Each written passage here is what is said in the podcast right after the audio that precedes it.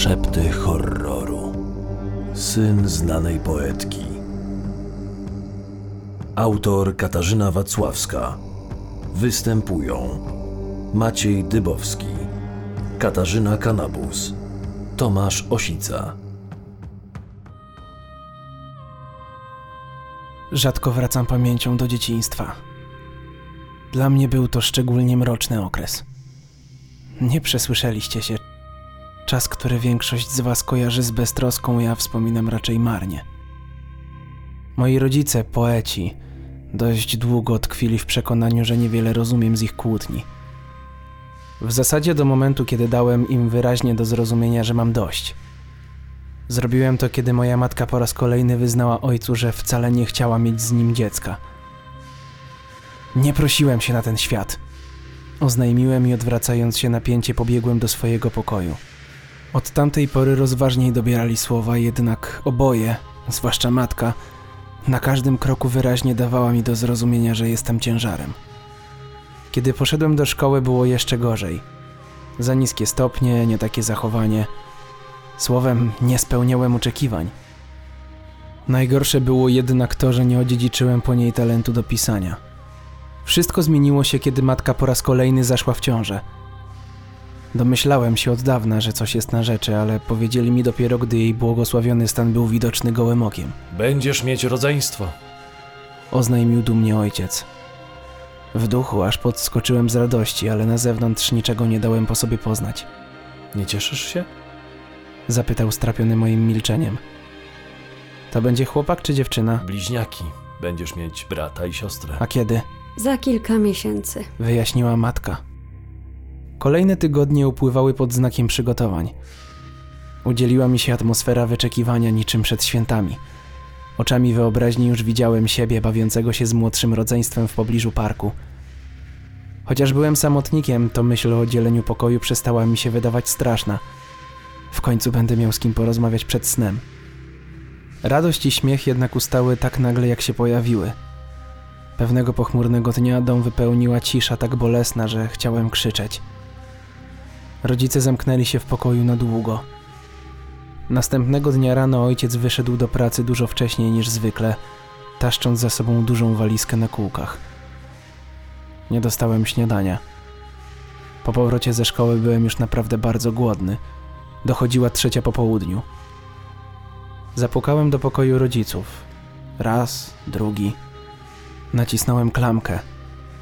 Drzwi były zamknięte od środka. Poszedłem do siebie. Położyłem się, gdy na zewnątrz powoli robiło się ciemno. Kiedy zasypiałem, przez chwilę zdawało mi się, że słyszę odgłosy jakiejś krzątaniny. Następnego dnia rano obudziłem się potwornie głodny i skołowany. Było mi też okropnie zimno. Okno w moim pokoju było uchylone. Opatuliłem się kocem i poszedłem sprawdzić, co z matką. Drzwi do pokoju rodziców były otwarte na oścież. Od razu zobaczyłem matkę leżącą na podłodze przy łóżku.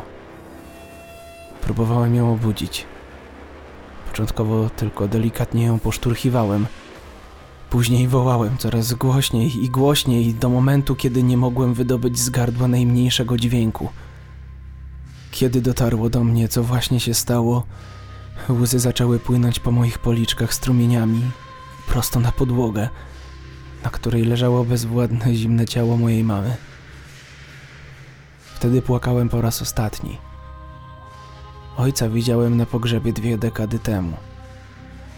Przez cały ten czas nie odezwał się do mnie słowem. Po wszystkim zabrali mnie dziadkowie. Starałem się żyć normalnie, jednak ciężar tego, co zrobiłem od pewnego czasu nie pozwala mi spać. Tamtego wieczora pokłóciłem się z matką. Powiedziała mi, że to moja wina, że bliźnięta w jej brzuchu nie przeżyły. Późnym wieczorem zostałem obudzony ze snu nagłym szarpnięciem za ramię. Czyjś głos powtarzał moje imię. Bałem się, lecz czułem, że muszę za nim podążać. Po cichu wymknąłem się do kuchni. Stąpałem ostrożnie, powoli, aby nie obudzić matki. Oszołomiony stanąłem na środku kuchni.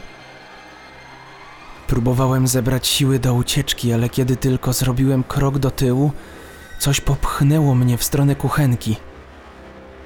Moja ręka niemal automatycznie powędrowała w stronę kurka. Wahałem się, lecz zrobiłem to. To ja odkręciłem gaz. Dziś przypada okrągła rocznica jej śmierci. Przeczuwam, że siła, która popchnęła mnie do zabicia matki, znów jest w pobliżu. Obawiam się najgorszego. Na wszelki wypadek zostawiam ten list. Chcę, żebyście znali prawdę. Zasubskrybuj szepty horroru, aby nie przegapić żadnej strasznej historii. Czytał Tomasz Osica.